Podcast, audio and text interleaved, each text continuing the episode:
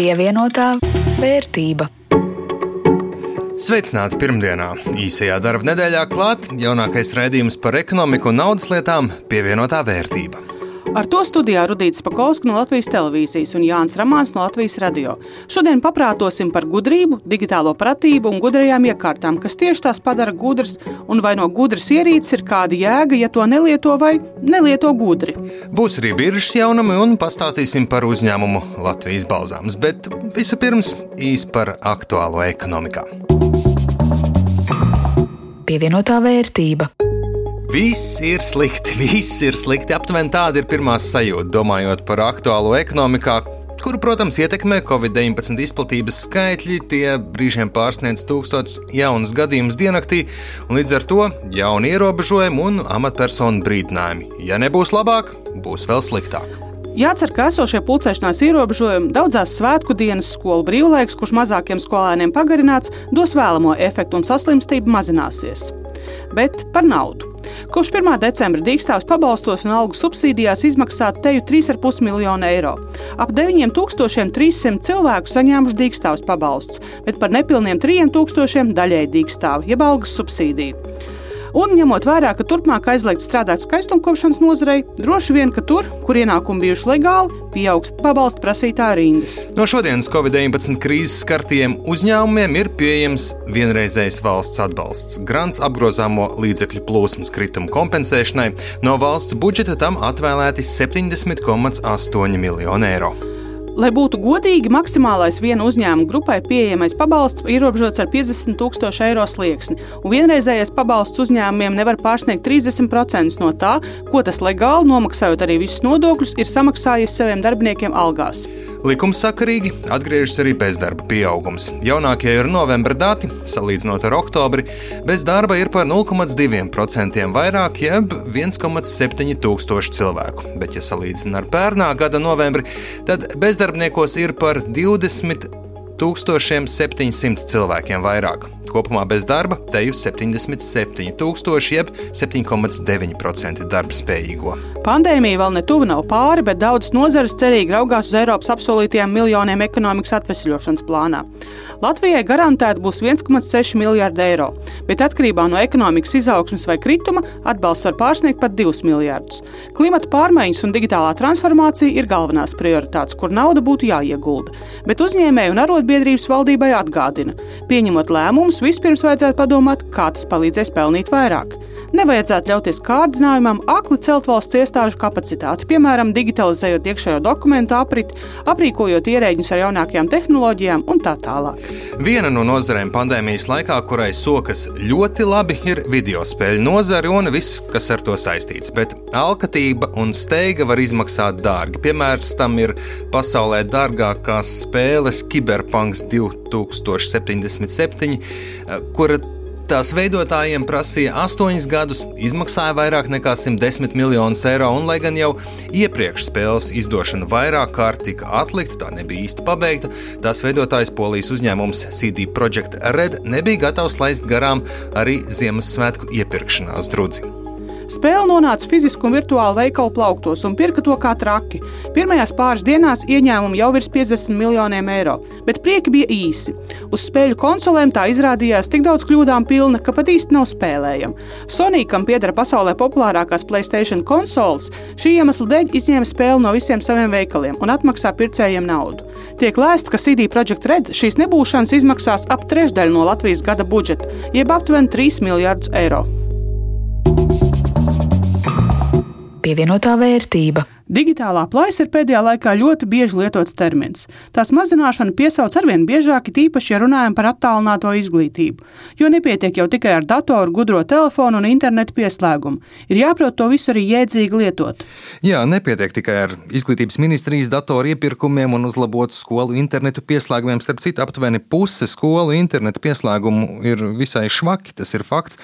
Un nepietiek arī ar e-klases uzdevumiem LV vai skolas 2030 koncepcijām, ja ne pedagogi, ne audzēkņi šīs tehnoloģijas nemāk efektīvi pārdomāt, izmantot. Piemēram, audzēkņiem nosūtot izprintētu un nofotografētu darba lapu, kuru pēc tam audzēknis no bildes atkal pāraksta dokumentā, datorā aizpilda, tad meklē, kur izprintēt, lai nofotografētu un nosūtītu atpakaļ tā kā pedagogs ir vēlējies. Diemžēl ir arī šādi gadījumi. Statistika un aptaujas liecina, ka mums sabiedrībai digitālās prasmes ir stipri zem vidējā Eiropā. Arī mūsu uzņēmēji pamatīgi atpaliek. Kamēr tehnoloģija pieejamības, interneta ātruma un valsts digitālo pakalpojumu pieejamībā mēs esam virs Eiropas vidējā vai arī pat pirmrindiekos. Tehnoloģijas mums ir, prasmes nav. To savā ziņā apliecina arī izglītības ministrs Ilgas Šuplīnskas teiktais liecību izsniegšanas dienā. Aptuveni puse viedierīču, ko pavasarī par valsts naudu sagādāja skolām, netiek izmantotas. Uzņēmēji par brīvu tām līdz gada beigām deva internetu pieslēgumu, un par šādu labdarību arī turpmāk ministrijai esot grūti runāt. Gan Bita, gan LMT mums ir norādījuši, ka apmēram puse, ja nemaldos, viedierīču jau šajā brīdī netiek izmantotas. Un tāpēc par pagarinājumu runāt ir ļoti, ļoti grūti. Ja mēs redzam, ka šīs viedierīces netiek izmantotas, tad prasīt, lai tas tiktu pagarināts, šajā brīdī mēs šo izskatījuši neesam. Un, protams, ka tas, ko var darīt, viedierīces ir nodotas šobrīd pašvaldību rīcībā, un lielākā daļa no viņiem atrodas arī skolās un tie konkrētiem, jāsaka, lietotājiem, tad pievērst uzmanību, cik lielā mērā tās tiek izmantotas. Un tas nozīmē, nepietiek iedot makšķeri, lai cilvēks prastu ķert zivis, ir jāiemāca makšķeri lietot. Tas pats ar gudriem telefoniem, kuros esam iegrimuši vairāk nekā vajadzētu, bet gudrāki no tā nekļūstam. Kā saka Londonas Universitātes koledžas profesors, antropologs Daniels Millers, nevis telefona un tehnoloģijas ir gudras, bet gan tas, ko mēs ar šīm tehnoloģijām darām un kā pret tām attiecāmies. Tas dod gudrību. Piemēram, pētījumi rāda, ka tipiska britu jaunā māmiņa pēc bērniņa piedzimšanas sociālajos tīklos pārvēršas par tikai un vienīgi jauno māmiņu. Pat savā profila bildēs liek mazuli, kamēr Trindades jaunā māmiņa šīs tehnoloģijas izmantos, lai parādītu, ka mazuļa piedzimšana ir mazsvarīga, un viņa joprojām ir sociāli aktīva, attraktīva, interesanta sieviete. Tehnoloģija viena, bet izmantošanas mērķis pavisam cits. Šīs atšķirīgās pieejas, attieksmes veidus, kā tehnoloģiju izmantojam, vēl skaidrāk iezīmē dažādu veselības aplikāciju izmantošanu. In a way, this point is made even better with respect to COVID-19. Vēl vieglāk to paskaidrot ir ar Covid-19 piemēru un laiku, kurā dzīvojam šodien. Viena no būtiskākajām gudro telefonu iespējām šajā laikā ir izsekošanas tehnoloģiju attīstība. No vienas puses tās parāda milzīgo gudro telefonu novērošanas, es pat teiktu, cilvēku izspiegošanas kapacitāti. No otras puses tā ir milzīga iespēja parūpēties vienam par otru un sevi, uzzināt, ka esi bijis tuvumā kādam saslimušajam, var brīdināt par veselības, katastrofu gadījumā par briesmu riskiem un rīcību. Abos gadījumos tehnoloģija ir viena un tā pati bet, ja paskatās uz attieksmi pret to pasaulē, tā ir ļoti, ļoti atšķirīga. Ja ASV republikānis būs galvenokārt norūpējies par izsekošanu un novērošanu, tad Dienvidkorejieti vairāk interesē šīs rūpes. Katrā pasaules vietā ir savādāka attieksme un pielietojums tehnoloģijām, un jums nevajag antropologu, kas jums to pasaka, jūs to varat ieraudzīt paši savā degungalā. Paturpinot par veselības tēmu, bet būtībā tas attiecas arī uz ļoti daudzām dzīves jomām.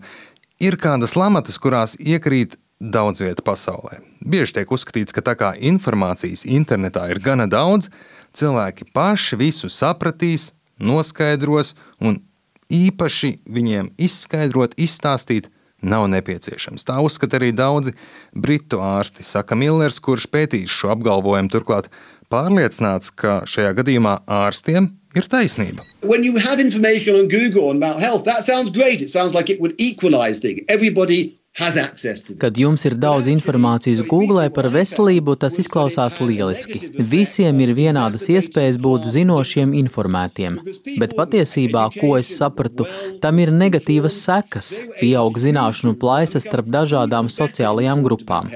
Cilvēki, kuriem ir izglītība, pārticība, labi informēti, Tie prot izmantot Google, lai kļūtu vēl labāk informēti un gudrāki. Savukārt cilvēki bez izglītības, nabadzīgi, izmantojot to pašu Google, kļūst vēl apjukušāki un vēl vairāk maldināti par veselības jautājumiem, kas galīgi nav tas rezultāts, ko bija gaidījis. Šī atklājuma arī daļai izskaidro to, kāpēc viena sabiedrības daļa par covid-19 izplatību labi informēta, saprot ierobežojumu būtību, riskus, kamēr daļa ir apjukusi un dzīvo pārliecinošā maldu pasaulē. Pievienotā vērtība. Laiks pievērsties notikumiem Baltijas biržā. Par vēl pāris uzņēmumiem tajā mazāk, jo metāla apstrādes uzņēmuma kurzemes atslēga viens akcionāri nolēma izbeigt uzņēmumu darbību. Pēdējie divi gadi uzņēmumam nesuši tikai un vienīgi zaudējumus - ap 200 tūkstošiem mīnusā ik gadu. Un gada beigās no biržas tiks izslēgts arī akustisko sistēmu ražotāja VF radiotehnika RRR akcijas, jo kompānija pēc atkārtota biržas pieprasījuma nav samaksājusi kotēšanas maksu. Tā biržai parādā gandrīz 39 tūkstošus eiro, kamēr tās apgrozījums šī gada pirmajos deviņos mēnešos bijis gandrīz četras reizes mazāks. Un pie kārtējā soda ticis arī kuģu būvs un remonta uzņēmums Rīgas kuģu būvētāju par revidētu finanšu pārskatu neiesniegšanu, kas uzņēmumam jau ir tradīcija. Finanšu un kapitāla tirgus komisija tam piemērojas ierasto soda naudu 10 000 eiro. Bet kopumā šonadēļ visās Baltijas biržās kāpums. Rīgas biržas indeks pieauga visstraujāk par 2% nedēļas laikā, Viļņā gausākais kāpums 0,72%, bet Tallinā pusotrs procents pieauguma.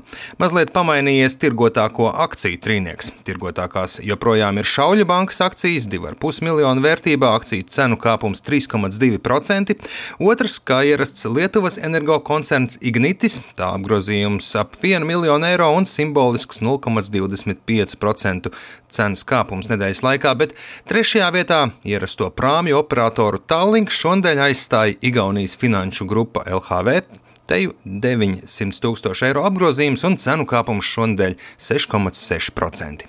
Turpinam arī tradicionāli kādu no biežāk kotētajiem uzņēmumiem iepazīt mazliet tuvāk. Un svētku laikam atbilstoši, šodien kolēģi Linda Zalāna pastāstīs par alkoholisko dzērienu ražotāju Latvijas balzāms pievienotā vērtība. Latvijas balzamam vismaz pēdējos desmit gados eh, birža nav devusi klasiskos biržas um, iegūmus, ja tā var teikt, jo biržā esošo akciju apgrozījums ir salīdzinoši neliels. Brīvā apgrozījumā ir drusku vairāk nekā 10% akciju. Gan drīz 90 pieder mūsu galvenajam akcionāram Amber Beverage grupai, Akcijas sabiedrības Latvijas balzāms valdes priekšsēdētājs Inters Geidāns uzsver, ka birža kā līdzekļu iegūšanas un uzņēmuma vērtības kotēšanas mehānisms netiek izmantots un būšana biržā uzliek savus pienākumus. Kā, ja man jāvērtē no vadības viedokļa, nevis no akcionāru viedokļa, man tas drīzāk ir neliels papildus darbs. Par biržas pamešanu mums kā vadībai ir bijusi saruna ar akcionāriem, ar padomi. 2016. gadā bija izteikts akciju atpirkšanas piedāvājums ja nemaldos, bija jāsavāc 3% eh, kopējais piedāvājums, un tad atpirkšana varētu notikties. Un tas netika savākts un līdz ar to nenotika. Šis gads uzņēmumam ir izaicinājumi pilns, jo vietējais tirgus apgrozījumam nodrošina vien 25 līdz 30 procentus. Pārējais ir eksports uz vairāk nekā 100 valstīm. Numur viens eksporta tirgus ir ASV. Pēc tam ar lielu atrāvienu nākamie henkura tirgi ir Lietuva, Krievija, Ukraina, Spānija, Itālija un Grieķija. Covid-19 ir ietekmējis visu pasauli. Un un dažkārt mūs ir ietekmējis pat vairāk nekā citus, jo ir ļoti daudzas valstis un produkti, kuri mums pārsvarā tiek tirgoti horekā, restorānos, eh, viesnīcās. Otrs liela biznesa daļa ir duty free lidostas, prāmi un visas citas duty free zonas, kuras faktiski ir gandrīz tirzniecība apstājusies. Eksportā mūsu apjomi ir būtiski krituši. To var redzēt arī pēc rādītājiem. Pirmajos deviņos mēnešos apgrozījums ir par 10% mazāks un peļņa ir par 20% mazāka kā 19. gadā. Protams, arī gads beigsies ar mīnusu, arī nākamā gada ietekme būs būtiska. 2020. gada pirmajos deviņos mēnešos uzņēmuma apgrozījums bija 47 miljoni eiro. Gaidāns uzsver, ka labā ziņa ir tā, ka investīcijas ražošanā netiks samazinātas nedz šogad, nedz nākotnē, jo ir svarīgi panākt ražošanas izmaksu sarukumu, lai spētu konkurēt ar citiem pasaules ražotājiem. Uzkrājumu un ieguldījumu eksperts Kaspars Pēcinieks akcentē, ka Latvijas balzamam ir sena vēsture un uzņēmums ir viens no rūdītākajiem Rīgas biržas biedriem. Ja runā par uzņēmuma finanšu datiem, tad jāsacina, ka Covid-19 ietekme bijusi būtiska, samazinājušies gan ienākumi, gan peļņa, līdz ar to sarukuši arī citi rādītāji, tādi kā atdeve uz aktīviem un kapitālu. Uzņēmums pieteicās dīkstāvs pabalstam, izmanto iespēju pieteikties pie tā kreditora Luminor bankas uz labvēlības periodu, kā arī šī gada oktobrī saņēma valsts atbalstu 750 tūkstošu eiro apmērā, kas bija paredzēts Covid-19 ietekmē cietušo eksportētāju atbalstam. Kopumā varētu teikt, ka tonis deviņu mēnešu atskaitē šķiet ļoti piesardzīgs un dažbrīd pat pesimistisks. Un pieņem arī, ka ceturtā ceturkšņa izskaņā ienesīs nepārāk patīkamas vēstures uzņēmumu darbībā. Uzņēmums nemaksā dividendus, ja precīzāk kopš 2007. gada tas nav maksājis dividendus. Viens no iemesliem, kāpēc turēja Latvijas balzām akcijas, būtu cerība, ka nākotnē lielākais akcionārs varētu izšķirties par labu iziešanai no biržas un veikt akciju atpirkšanu, kā norāda tendence pēdējā laikā Latvijas biržā. Un arī iepriekšējais šis te viens atpirkuma piedāvājums, nu, tas rada kaut kādu varbūtību, ka šāds scenārijs varētu būt. Un līdz ar to, ja viņam būtu būtu lielākam akcionāram būtu jāpērk akcijas, vai viņš izvēlētos atpirkt akcijas, tā būtu bilances vērtību. Un tā ir uh, gandrīz divreiz augstāka nekā pašreizējā cena. Pieņemot, ka tuvākajos divos gados ekonomika un patēriņa tendences varētu atgriezties pirms krīzes līmenī, tad Latvijas balzāma apgrozījums un arī peļņas rādītāji varētu uzrādīt augšupējošu tendenci. Eksperts teica, ka kopumā Latvijas balzāma akcijas ir pievilcīgs ieguldījums ilgtermiņa ieguldītājiem, kuriem ir svarīgi ieguldīt Latvijā bāzētos uzņēmumos. Turklāt nākotnē ir cerības stariņš, ka lielākais akcionārs akcionārs varētu izpirkt akcijas par augstāku cenu nekā tā ir šobrīd. Linda Zalāne, Latvijas radio. Pievienotā vērtība. Ar to arī skan raidījums pievienotā vērtība. To veidoja Jānis Ramāns no Latvijas radio un Rudīts Pakovska no Latvijas televīzijas. Par labskaņu parūpējās Kaspars Groskops. Šis un citi raidījumi atrodami noklausām arī populārākajās podkāstu servisos. Uz sadzirdēšanos pēc nedēļas!